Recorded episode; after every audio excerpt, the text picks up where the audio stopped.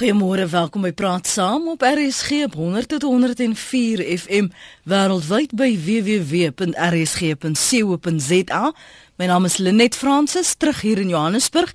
Lekker om vanoggend weer in jou geselskap te wees. As jy wil saamgesels, kry sommer nou 'n skryfding byderhand. Ek is seker jy gaan 'n paar aantekeninge wil maak want dit raak ons almal.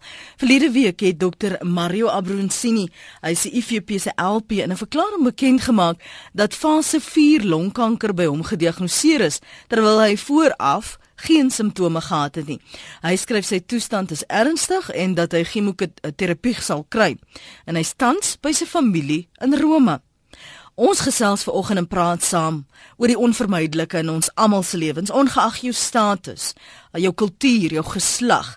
Wat as jou dokter vir jou 3 tot 6 maande gee om te leef? Vir jou of jou kind byvoorbeeld. Hoe ingrypend pas jy jou lewe aan en hoe deel jy die nuus met familie? Die laaste paar maande het ek agtergekom na aanleiding van wat luisteraars skryf in hulle e-posse dat nie baie kan sielkundige dienste bekostig nie of in 'n hospies byvoorbeeld gaan bly nie. Hoe leef jy na so 'n mededeling? Het gisteraand al reeds hierdie vraag op Twitter gestel en uiteenlopende reaksie gekry van die wat my volg en gereageer het, getweet het by Lenet Francis 1 baie het gepraat van ek gaan 'n uh, klomp lenings aan en gaan die geld dan spandeer. Sommige het besef die die die erns van die saak van dit is wat die meeste van ons een of ander tyd tog mee uh, moet konfronteer. My gas vanoggend is Dominee Braam Klopper. Hy's baie betrokke by begeleiding, opleiding en berading. En hy gaan vir ons vanoggend vir al die praktiese implikasies en die praktiese gedagtes en ervaring en veral as jy deur so iets al was of dalk nou deur dit gaan, wil ek graag van jou hoor op ons telefoonlyn. Christel van Tonder sal die oproep neem en jy kan verkies om as jy wil anoniem te bly. Dominic Klopper, môre, dankie vir jou tyd vanoggend hier op Praat Saam. Goeiemôre Lenet en ook goeiemôre aan al ons luisteraars.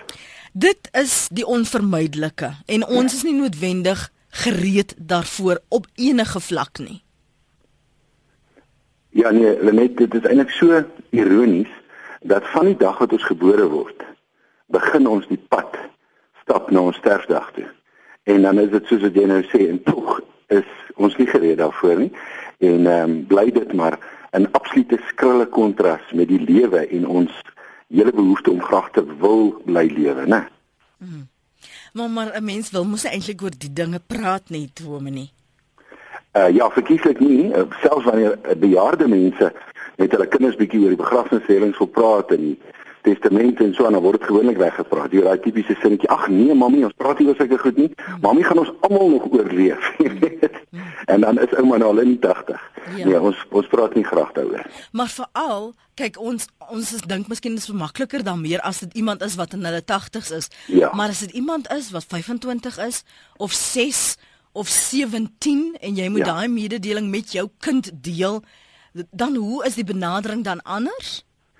Uh ja nee, kyk baie beslis want ons almal het maar 'n verwagte uh lewensorde, jy weet, on, ons dink dat 'n mens moet eers dan groot word, later trou, oud word, dan baie oud word, dan bietjie siek word en dan baie siek word, dan in 'n koma aangaan en na 3 weke moet almal bid dat ons net verlos moet word. So dis omtrent die prentjie wat ons in ons kop het.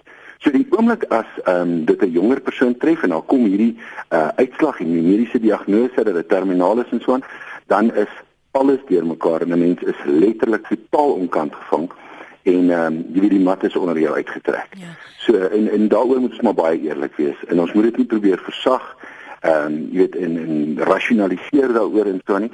Dis 'n skok, ehm um, dis 'n ramp.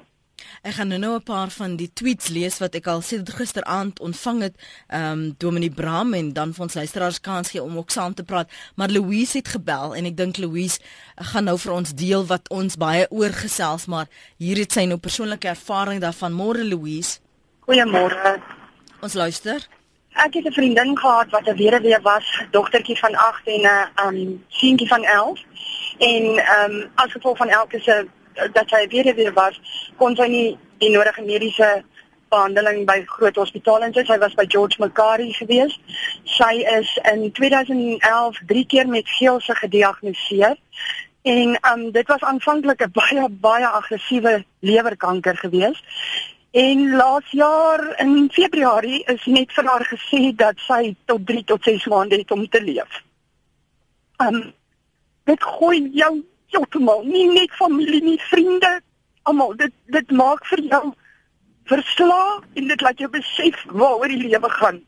Maar ek kan ook vir julle sê dat met so 'n skok en dan moet jy daarmee aangaan. Ehm um, kom daar tot 'n uh, onmin tussen familielede. Daar kom ag daar daar so baie dinge, maar ek dink dit spruit uit die vrees en die verslaandheid dat hierdie mens op 36 jarige ouderdom gaan sterf en dat ehm um, sy twee kindertjies het. Elke het uh, net nadat sy gehoor het sy gaan nou sterf, het sy uh, ek en sy was jare lank beste vriendinne. My vra om 'n testament op te trek. Hmm. En dit was alles in so deur mekaar tyd, jy weet. Hmm. Op daai tyd weet jy nie of jy die regte besluit neem of nie. So ek wil maar net vir mense sê, kry jou testament dan gedreg. Dit is baie baie nodig. Want wanneer jy eers spring, daar is nie meer tyd nie, dan dink jy nie meer rasioneel nie. Dankie vir die saamgesels Louise. Anne Marie, môre. Ah, Goeiemôre. Um, ek skakel net in verband met ons seun Dani wat vandag sou verjaar het. Ehm um, hy sou vandag 32 gewees het. Hulle het sy drankie gespaak toe hy 25 jaar oud was. En daardie nag het hy 'n geweldige groot hartaanval gehad. Hulle het hom daardie aand drie keer dood verklaar. Maar hulle het sy lewe gered en hulle het vir hom 'n pas aangeheer ingesit wat toe later verander het na die toe. En soos wat die tyd aangegaan het, het ons al hoe meer en meer besef dat Dani sal nooit 'n lang lewe hê nie. Hmm. En ehm um, verlede jaar hierdie tekens begin hy hy het aan my man self besluit dat hy 'n probleem gaan hê en hy het sy motorvoertuig verkoop. Hy het baie van sy goed begine weggee. En so het ons almal geweet, die tyd kom al hoe nader. En hy het in Augustus verlede jaar 'n bloedklont gehad wat in die arm vasgesit het. Deur eens het ons hospitaal toe gejaag. Hulle het die bloedklont uit die arm uithaal. En sy dokters het vir ons gesê ons moet weet sy tyd kom baie nader. En toe het ek met hom gepraat het vir ons gesê, "Dani, voel jy dink jy nie jy wil eerder 'n lewendige testament, 'n living will hê wat ons vir jou kry en dan spaar dit jou want hy het vir my gesê asseblief ek wil nooit weer aan masjiene goed gekoppel wees nie. En dit is iets wat ek ver oggend kan sien as meer mense vir dit gaan. Ons het verlede jaar September met hom weer hospitaal toe gejaag. Toe het hy longontsteking opgedoen. En daardie aand het die dokters vir ons gesê hulle glo nie daarin nie sal dit maak nie. En ons het daar ingekom net toe hulle die masjiene en goed wou aansit en opsit en toe sê ek vir hulle nee, hier so hy het 'n lewendige testament wat hy onderteken het. Hmm. En toe is hy verlede jaar die 30ste September oorlede. Anna Marie, dankie vir die saamgesels. Sy's daar op Brakpan en sy praat van haar seun Dani wat uh, 25 oorlede is. Ek wil nou-nou terugkom na van die SMS'e wat jy gestuur het. Baie dankie daarvoor na 3343. Dit kos jou R1.50. Ek, ek wil vir jou vra, moet dokters, moet medisy, 'n dominee in jou opinie 'n tyd aan aan hierdie soort goed koppel? Is dit belangrik? Uh, net ja, die beginsel onderliggend is dat in hierdie hele situasie van die dokter se kant af, van die familie se kant af en van die pasiënt se kant af is die groot beginsel vir my eerlikheid. Want die teendeel is 'n skaakspel. En um, in daai hele konsep van eerlikheid, um, is dit tog goed dat die mediese wetenskap omdat hulle baie baie ver gevorderd is, dat wanneer hulle 'n tyd van maande of 'n jaar of so daaraan kan koppel, hulle dit tog doen.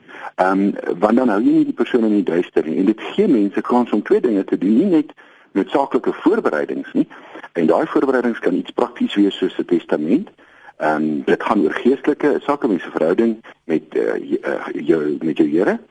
En maar dit gaan ook oor 'n proses. Dit gaan nie net oor praktiese voorbereidings nie. As 'n mens hierdie uh, diagnose kry en hierdie skokkende nuus kry, moet jy dit tog kan verwerk en uh, ons gaan net nou dalk kans kry om te praat oor stappe en fases in die verwerking van hierdie proses. Maar as jy nie die korrekte inligting kry nie, nuus kry nie, dan kan jy nie regtig begin met die verwerking daarvan nie. En uiteindelik is die ideaal dat 'n persoon dit in sy eie gemoed sal verwerk voordat hulle fisies sterf. Goed. Gideon? Hallo. Ons luister. Môre. Môre. Ja, ek wil my ondervinding deel.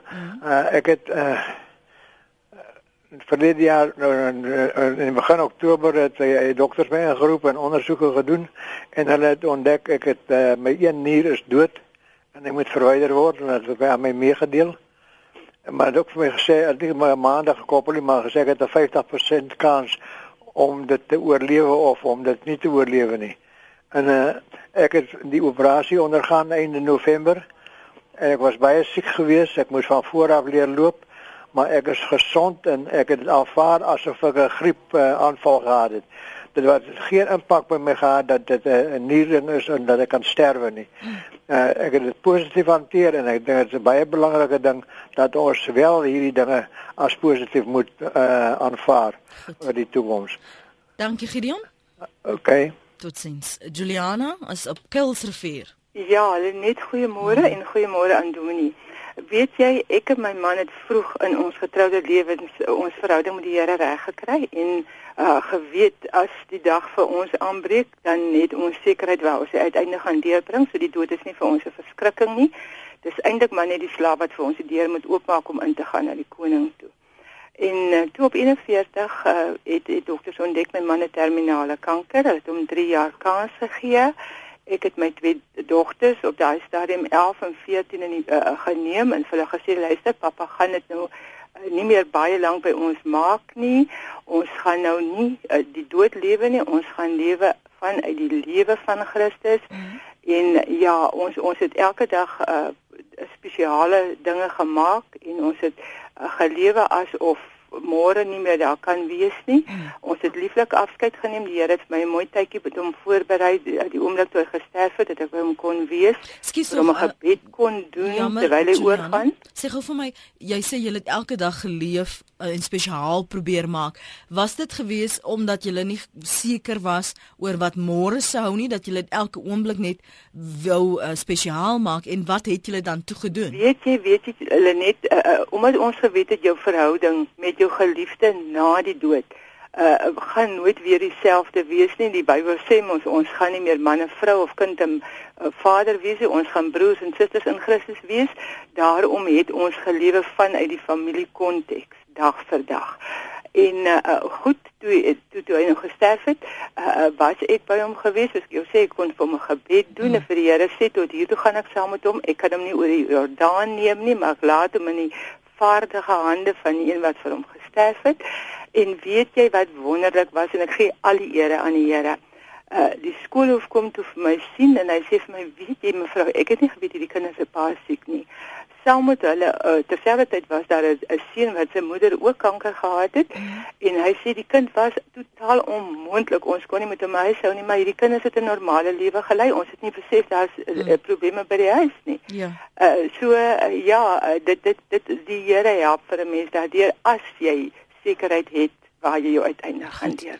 Juliana daar op Kelsrivier baie dankie. Ons praat ver oggend oor die onvermydelike in ons almal se lewens. En eh, veral as jy die mededeling kry dat jy of jou kind 3 tot 6 maande het om te leef. Hoe pas jy jou lewe aan? Indien wel, en hoe deel jy dan die nuus met jou familie? Weet jy hoe? Is jy daarop voorberei? 0891104553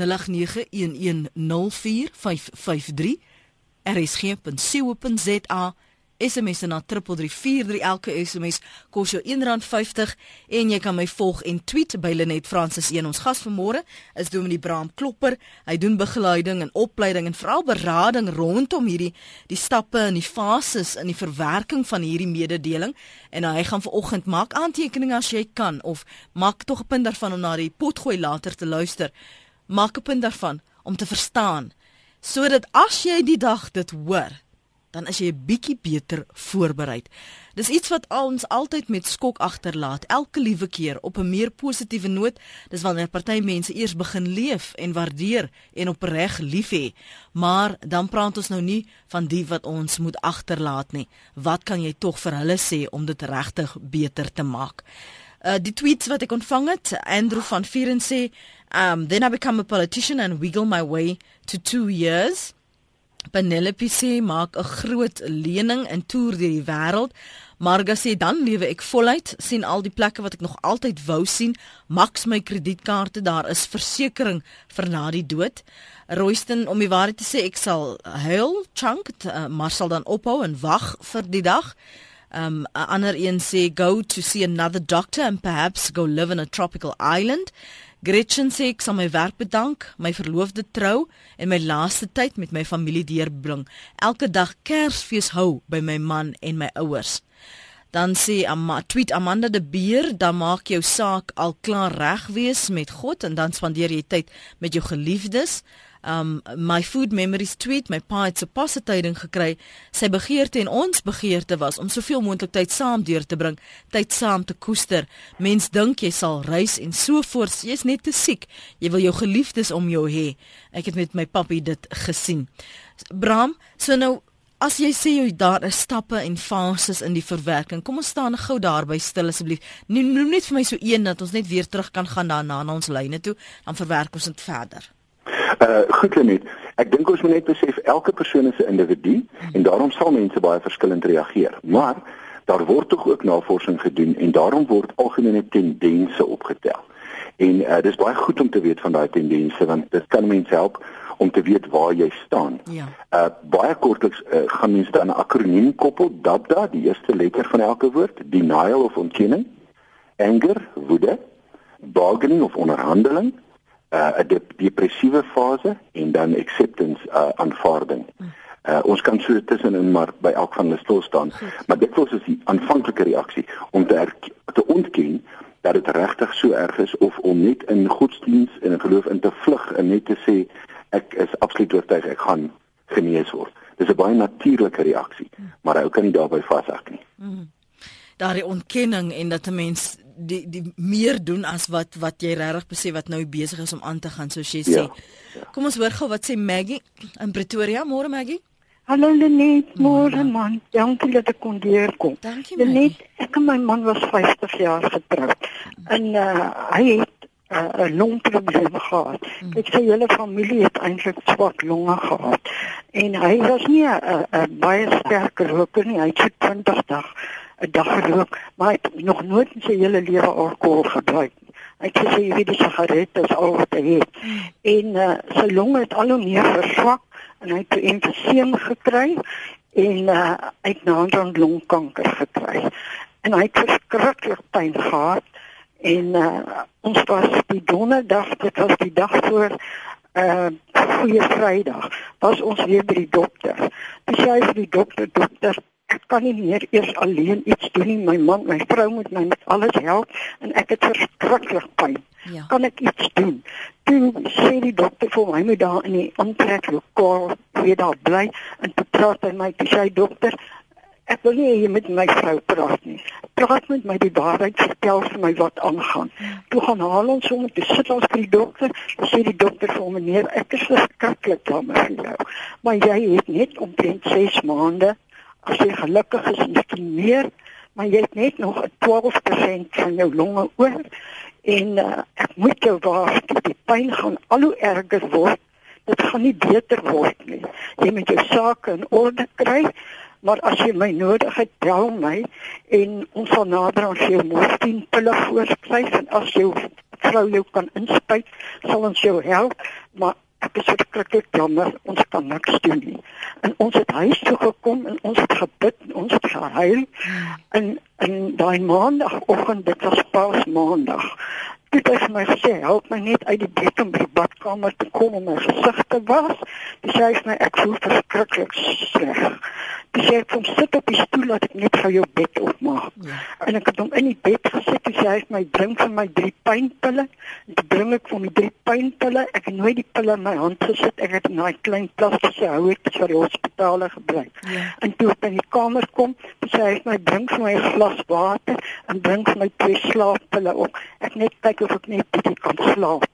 En toe kom ek terug kom bys toe en die volgende oomblik toe hoor ek geskoot. Het homself geskiet.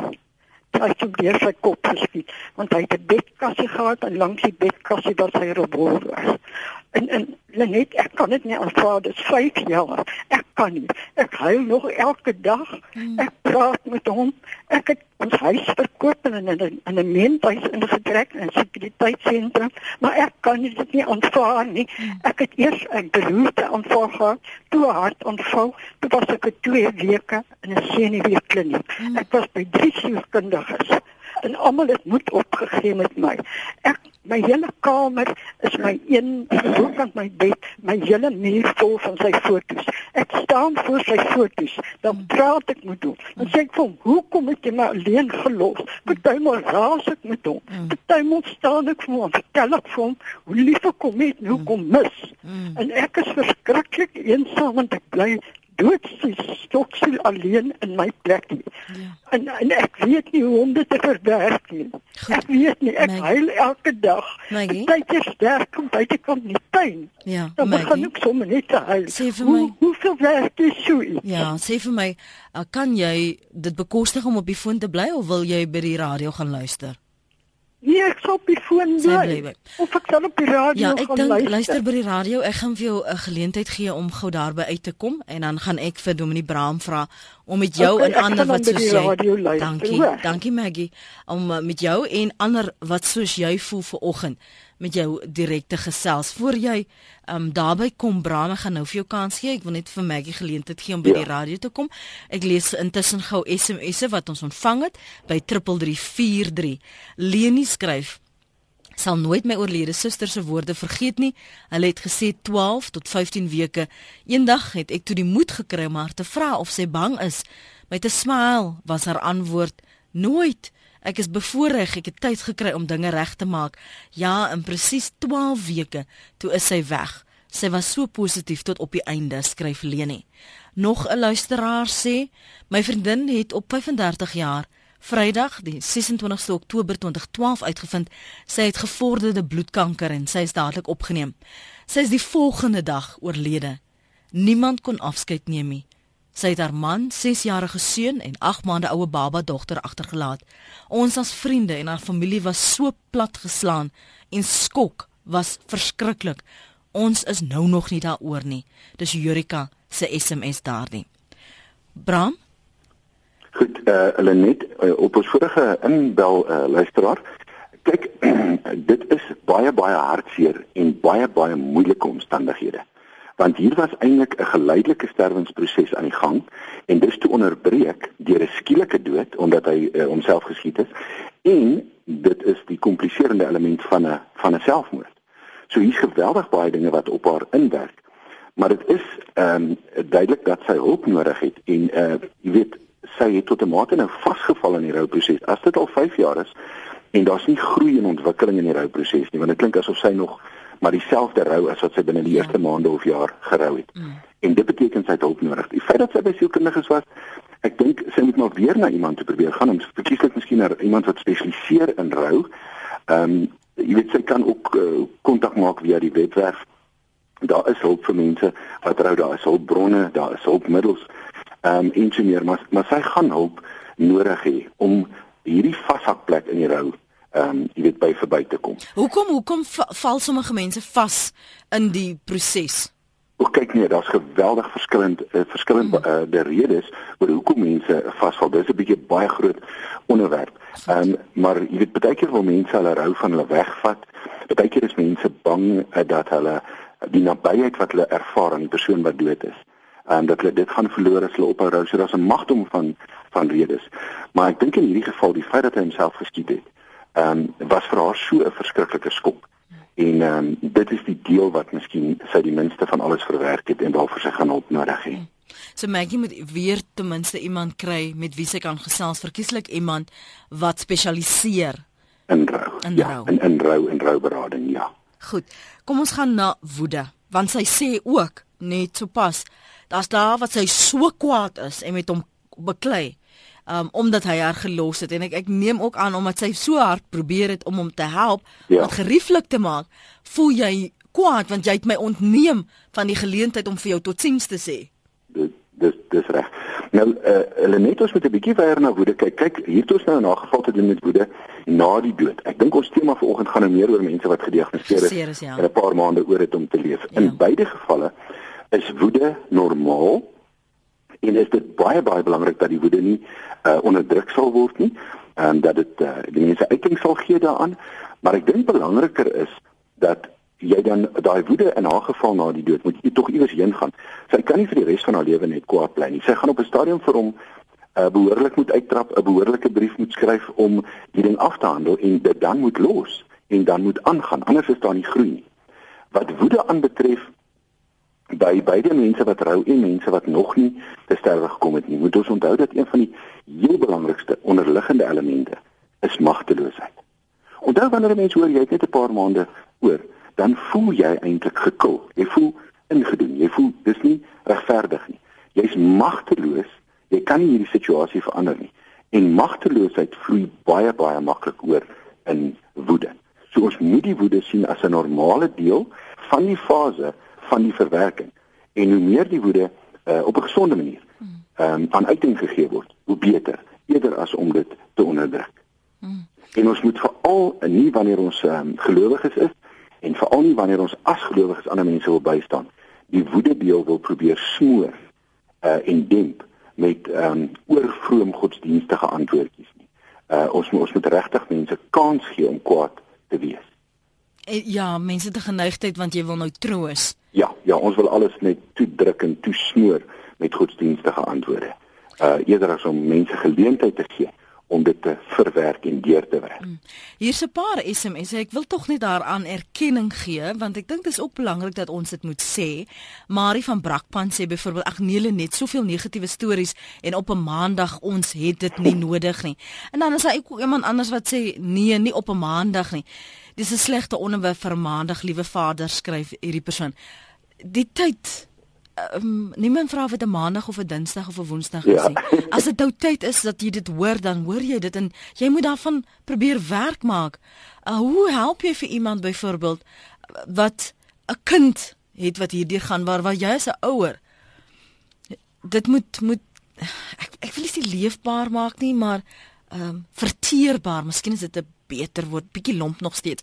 Verteerbaar maak vir 'n kind wat 7 of 8 of 12 is, wat nie noodwendig verstaan die impak van dit nie. As hulle byvoorbeeld leukemie sou hê. Ja. Hulle net as 'n Engelse spreekwoord wat sê ignorance is bliss.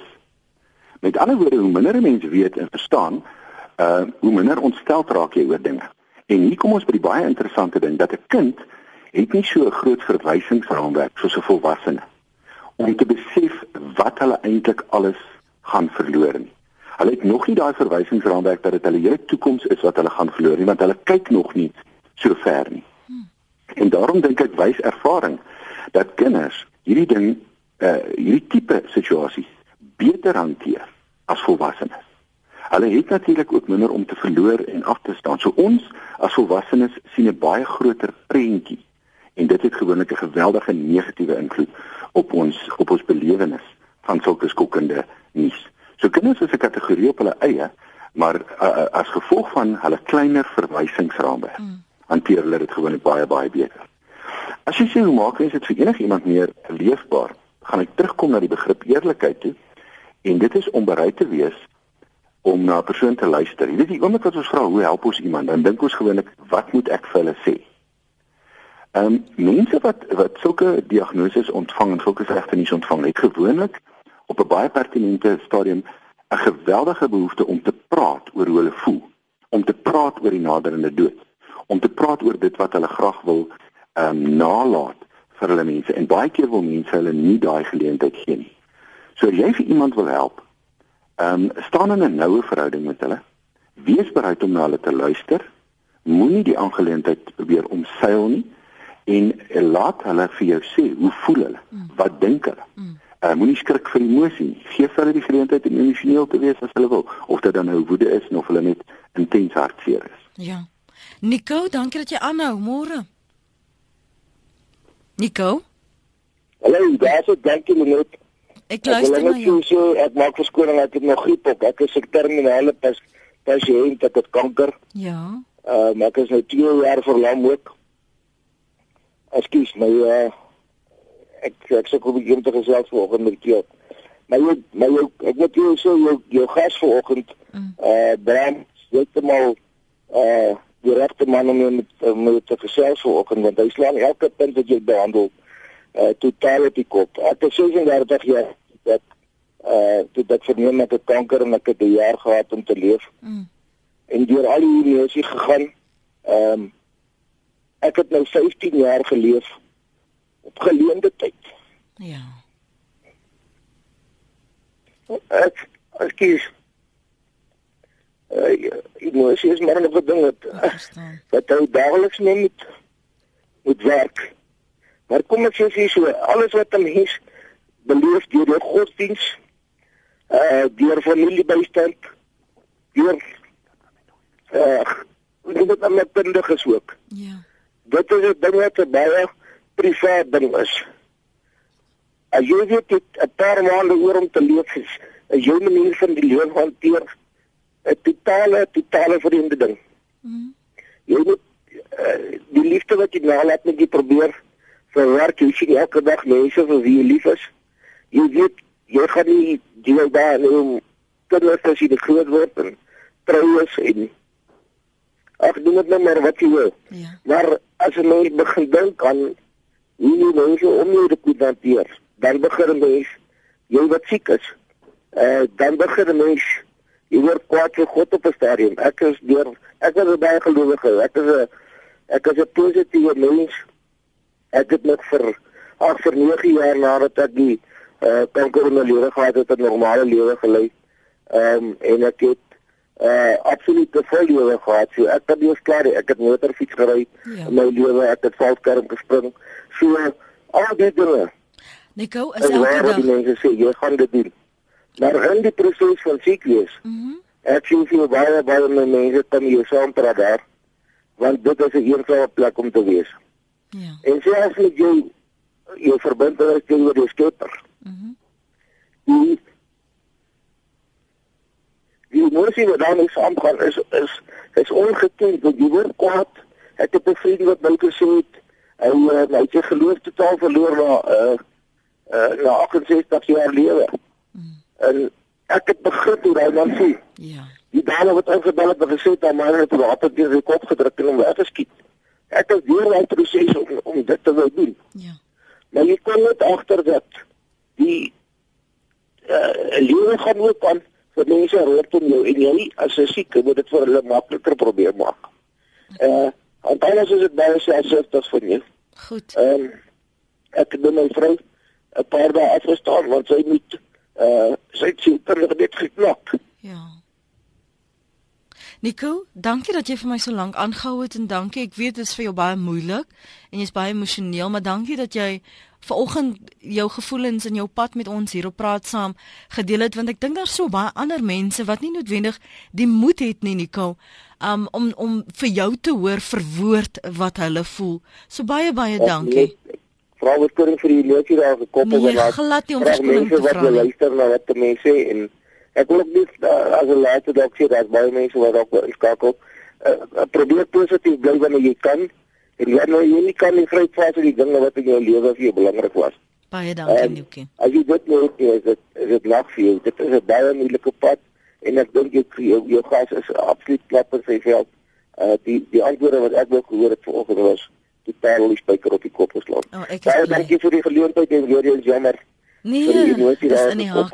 Dis glad nie nodig om om verskoning te vra nie. Ons is mos mense. Ons voel pyn en ons voel geluk en ons voel die hartseer. Baie dankie Baie dat jy vanoggend saamgesels het, hoor. Nico daar op Standerton. Anoniem skryf daar is niks en niemand wat jy kan voorberei nie. Dit is iets wat jy met jouself moet uitklaar. Kan jy werklik dit aan jou familie doen om elke dag saam te wees? Dis 'n moeilike besluit. Ek glo en voel sterk daaroor om dalk dit in afsondering te doen of ten minste net die heel naaste persone by jou te hê en vriende en ander familie heeltemal op 'n afstand te hou. Mens moet nooit uit die oog verloor wanneer 'n persoon terminaal is nie. Dit nie 'n mooi gesig is om te sien nie. Afskeid neem is sekerlik die moeilikste ding wat 'n mens kan doen. Dis anoniem eh, van uh, wat daardie SMS gestuur. Dan sê Magdalene Uh, ek my sussie se stadium 4 kanker al 6 maande in ontkenning. Hoe help mens haar na die volgende stadium sonder om haar hoop weg te neem? Ons uh, gas vanoggend is Dominee Braam Klopper.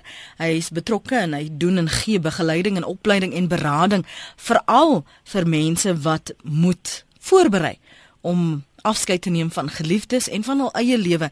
En vanoggend praat ons juis oor hoe ingrypend jy jou lewe moet aanpas en die nuus met jou familie moet deel indien dit is wat jy verkies as jou dokter jou dalk 'n mededeling sou gee dat jy 'n tyd waaraan jou lewe gekoppel is. Jy het nog so 3 of tot 6 of weet jy okay, hoeveel en hoe lank hulle jou gee nie. En wat maak jy met daardie inligting? Jy het net gepraat van die fases. Nico het gesê dit raak soms so raak hy so oor emosioneel en dat hy besef hy hy is op geleende tyd. Uh Elenet ja, so baie baie dankie vir hom vir sy eerlikheid en ek kan nie help om op te merk hoe verskillend is die bydrae van iemand wat self in die proses is en mense wat net teoreties daaroor dink nie. Jy weet mense wat sê hulle gaan net hierdie groot lening aangaan en hulle gaan net die geld blaas en also en dit is eintlik totaal onrealisties. Maar natuurlik dink jy so oor iets as jy nie self in daai situasie is nie. As jy werklik self in daai situasie is, dan is jou prioriteite heeltemal anders. Daar's 'n hele ander proses wat in jou lewe afspeel, né?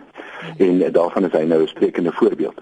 Om aan te gaan in, in, in is ons nou ook by die onderhandelingsfase en hier gaan dit eintlik maar net daaroor dat 'n mens dit sal herken en nie vreeslik baie daaraan doen nie. Die fase bestaan daaruit dat mense gewoonlik met uh, binne hulle godsdienstige verwysingsraamwerk met hulle God begin onderhandel, maar as ek genees, sal ek nou weet so en so en so goed lewe of as ek genees, gaan ek net voltyds vir u werk. Of nou as iemand in daai fase is, dink ek die belangrikste is om nie hulle borrel te bars nie. Dit is nie die regte tyd om hulle te sê, hoorie man, jy's nou besig met 'n met 'n skaakspel aanvaar nou maar liewer dat jy gaan sterf nie. Nee. Herken dit as 'n normale fase van hierdie proses en gee hulle geleentheid om daardeur te beweeg. Dit hou gewoonlik nie verskriklik lank nie. En dit word dan gewoonlik opgevolg wanneer 'n mens besef daai onderhandeling werk nie. Dan ehm um, begin 'n mens uh, dikwels in 'n depressiewe fase ingaan en ehm um, dit moet ook herken word en dit moet gewoonlik ook met medikasie aangespreek word. Ehm um, maar wanneer dit ook gebeur, moet die persoon wat depressief voel en die familie om hulle weet maar hoorie, dit is normaal. En gee hulle kans om so intens hartseer te wees en gun hulle al is hulle uitkyk op die lewe nou op hierdie stadium baie baie negatief. Hulle het nodig om daardeur te gaan. En dan uiteindelik koop 'n mens dat die persoon en dit gebeur in die meeste gevalle uh, baie keer baie laat in die in die uh, proses, maar gebeur dit tog dat mense by 'n punt van aanvaarding kom. Nie dat dit vir hulle lekker is nie, nie dat dit vir hulle maklik is nie, maar waar daar 'n realisme kom van, weet jy, um, hierdie is die pad. Dit gaan nie anders wees nie. Nou moet ek die beste maak van die tyd wat oor is. En nou moet ek 'n paar goed in orde kry. Mm. En ek wil baie graag op hierdie punt van uh, goed wat mens kan nalat of in orde kan kry. Wil ek 'n bietjie twee ongewone dinge noem. Ja. Die eerste sou in 'n situasie wees waar uh mense kinders miskien nog klein is en jy nou duidelik nie gaan leef om die res van hulle jare saam met hulle te wees nie. Nou gaan jy jou toekoms verloor. En ek wil twee praktiese wenke daar gee. Die een is as as 'n mens klein kindertjies het en jy is in hierdie stadium besig om te sterf, as jy enigstens kan maak iets soos 'n album. 'n uh, album uh, en 'n mens kan dit baie mooi maak en skryf. Skryf staaltjies en herinneringe uit hulle klein kinderdae en uit jou tyd met hulle en hulle baba kinder 'n baba jare. Met ander woorde dinge wat jy omdat jy gaan sterf nie geleentheid gaan hê om vir hulle te vertel wanneer hulle bietjie groter is nie. Kry daai goed in plek want later soos hierdie kinders groot word, gaan hierdie vir hulle 'n ongelooflike kosbare nalatenskap wees. So dis 'n baie positiewe en 'n praktiese wenk. Dan 'n tweede een, uh, as mense kinders dalk 'n bietjie groter is, weer eens op die beginsel dat jy nou jou toekoms saam met hierdie kinders gaan mis. Byvoorbeeld hulle matriekafskeid, hulle matriekeksamen, hulle gradeplegtigheid, jy weet, hulle hulle hulle verloving en huwelik, hulle eerste kind. 'n Mens kan in die tyd wat jy oor het, ehm um, briewe skryf vir daardie geleenthede. En daai briewe kan dan selfs jare na jou dood deur die kinders ge ook gemaak word en gelees word op daai spesifieke geleenthede. Met ander woorde voor 'n matriek eksamen, voor 'n gradeplegtigheid. Dat die mens kan sê my kind, ek besef nou ek gaan nie daar wees nie, mm. maar ek wil vir jou hier neerskryf dat jy dan kan lees. Ek is trots op jou. Ehm um, dis wat ek graag vir jou sou wou gesê het of gedoen het. Uh jy weet hierdie is kosbare goed wat vir mense baie betekenisvol is en miskien baie belangriker om vir iemand kinders na te laat as geld, jy weet. Ja. Ja, dis dis herinneringe wat jy skep vir die tye wat jy nie daar is nie. Absoluut. So jy trek jou invloed ook 'n bietjie verder. en maar dit is 'n ja. positiewe invloed ja, wat jy verder trek. En jy, jy het nog impak in jou kinders se lewens. Want net hier wil ek net 'n baie belangrike beginsel stel. Die dood. So ernstig en so moeilik en so aklig as wat dit is. Die dood het ook sekere beperkings. Die dood kan net 'n mens se fisiese bestaan beëindig. Dit kan nie die betekenis van jou lewe beëindig nie. Die betekenis van ons lewe gaan voort al is ons dood. En die impak van ons lewe op ander mense kan voortgaan selfs na ons dood. En herinneringe is kosbaar en dit gaan voort. So ja, met die absolute eerlike erkenning van hoe intens tragies die dood is. Onthou die dood kan net jou fisiese bestaan beëindig. Hier is baie van die luisteraars wat jou jou nommer wil hê. Ek weet nie of jy gemaklik is om dit te deel nie of daar 'n ander manier is hoe ons die luisteraars wat met jou wil kontak maak by jou kan kan kry ja. nie. Lenet weet jy, um, daar is twee moontlikhede. Mm -hmm. Die heel maklikste deel van die tyd wat ons leef is natuurlik eh, 'n uh, webwerf. Ja. So mense kan kan gaan kyk na my webwerf, dis www. Ja. Dan klein lettertjies. Ja. Bram Klopper met B R A M Klopper K L O P P E R .co.za. Goed. Baie dankie. Dit is die maklikste manier en dan 'n e-pos uh, op die webwerf kan hulle natuurlik 'n uh, sleutel kry wat sê kontak. As hulle net 'n e-pos wil stuur en nie na die webwerf wil gaan kyk nie, is dit net info by. Mhm. Mm en dan weer klein lettertjies Bramklopper. Ja. .co.za. Goed, baie dankie. Ek sal dit sommer op ons webblad plaas vir diegene wat uh toegang het en wat wil onthou, maar sy naam is Bram Klopper. So Bram Klopper is nou die die kern van alles wat ons sê. www.bramklopper.co.za of is dan as jy 'n e-pos wil stuur info by bramklopper.co.za. Lucy, jy hoor rukkie aan. Eh, eh, voel jy nou asof jy 'n bietjie ligter voel na aanleiding van wat jy aanvanklik gesê het hoekom jy bel? Lucy? Hallo, ehm uh, Lenet? Ja. Ja, ek luister vir julle oor die foon. Ek ek voel heel wat beter. Ek is bly. Ek is in 2008 gediagnoseer met oorale kanker. Mm. Ek het operasies gehad. En dit het chemo gehad. 'n uh, reeks van 3 3 maande en langer. Dit is my gesê ek is met 'n missie en dit twee jaar daarna het ek kanker toe nou weer terug dit het weer uh, chemo gehad dit was dit net vir twee maande as ek kanker stop dus ek terug mm. en dit is waar ek nou is en hulle sê nou vir my dit is 'n kanker wat nooit gesond word nie dit is 'n kroniese kanker is nou in die maag van Maar wat my hart seer maak, kliniek, ek is reg vir vir die dood. Ek is nie daarvoor bang nie. Hmm. Ek word baie keer uh, emosioneel. Ek bly by my dogter. Sy is ook alleen en dan het ek 'n seun in Engeland. Ek het dik kind.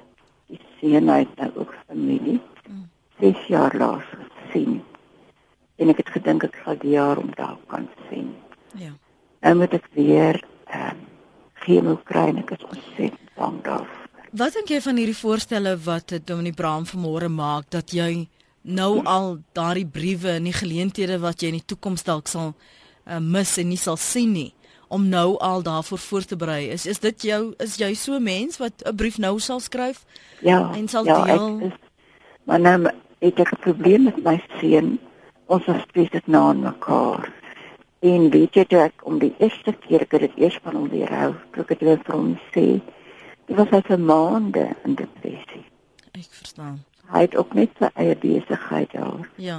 Lucy, ek gaan jou nou groet. Baie dankie vir vanoggend se bel. Ek wil aansluit by wat Lucy sê. Sê nou vir my Dominee Bram, nou as jy nou ver oggend of wanneer ook al die tyding kry, hoe moet jy dit met jou familie deel? Want die laaste ding wat jy wil hê is dat hulle nou soos sy nou praat van haar seun in depressie verval of uh probleme het want jy wil nie 'n las vir ander wees nie, maar op 'n manier moet jy dit ook verwerk. Hoe deel jy? Is daar 'n regte manier om dit te deel? Hulle net dit deel? Ons almal hoop dat daar 'n manier is om iets te deel. Mm dat dit nie seermaak nie en dat dit nie skok um, gaan uh, veroorsaak nie. Maar weet jy, ons moet baie realisties wees. Ehm um, dit is 'n droom. Dit gaan nie gebeur nie. Natuurlik is dit goed om so 'n bietjie van 'n aanloop te hê en mens kan sinnetjies gebruik soos weet jy ek het slegte nuus, ek het iets belangrik wat ek met julle wil deel. Ek kan voorbereidings maak dat jy dan nou op 'n goeie tyd en plek, plek praat. Ek bedoel jy praat nie met iemand 10 minute voordat jy moet ry 'n uh, werk doen. Jy praat nie, jy weet, op op 'n slegte tyd nie. Daai is al klein praktiese goedjies waar mense na 'n goeie tyd en plek kan kyk. Maar al het jy hoe lank aanloop, Lenet. Uiteindelik moet jy by die sinnetjie kom. Ek het hierdie diagnose ontvang. Ek gaan sterf. Die mediese inligting en die mens met die korrekte mediese inligting is dat dit in die omgewing van 3 maande of 6 maande kan wees. Ehm um, so weet jy ek is baie behoorlik te dink aan 'n regte of 'n verkeerde manier want uiteindelik moet jy by die finale woorde kom. Dis net soos om 'n doodstelling oor te dra. Jy kan nou sê daar was 'n ongeluk, daar het iets sleg gebeur. Uiteindelik moet jy sê jou pa is dood. En dan as dit oorgedra is, uh, moet mens tyd gee dat dinge kan insink, dat dinge kan verwerk word, dat emosies um, beleef kan word Moenie die tyding oordra en onmiddellik met die troostproses begin. Moenie ek het nou vir gesê dat maar asseblief nou nie hulle kom ons kyk net gou na al die positiewe dinge. Dit is wat mense baie geneig is om te doen. Ehm um, dra die boodskap oor so duidelik as moontlik. Gee tyd om in te sink. Ja. Gee geleentheid vir emosies om beleef te word en skep daarna verdere gespreksgeleenthede. Bram baie baie dankie vir jou tyd vanoggend hier op praat saam. Dit is 'n baie belangrike gesprek om te hê. Dankie dat jy vir ons vanuit jou ervaring 'n bietjie leiding in die verband gegee het en 'n goeie week vir jou. Baie dankie Lenet en seën vir almal wat swaar kry, hoor. Daar sê Dominie Bram Klopper. Jy kan hom uh, kry by www.bramklopper.co.za of 'n e-pos stuur info by braamklopper.co.za. Nou die Braam is B R A A M K L O P P E R.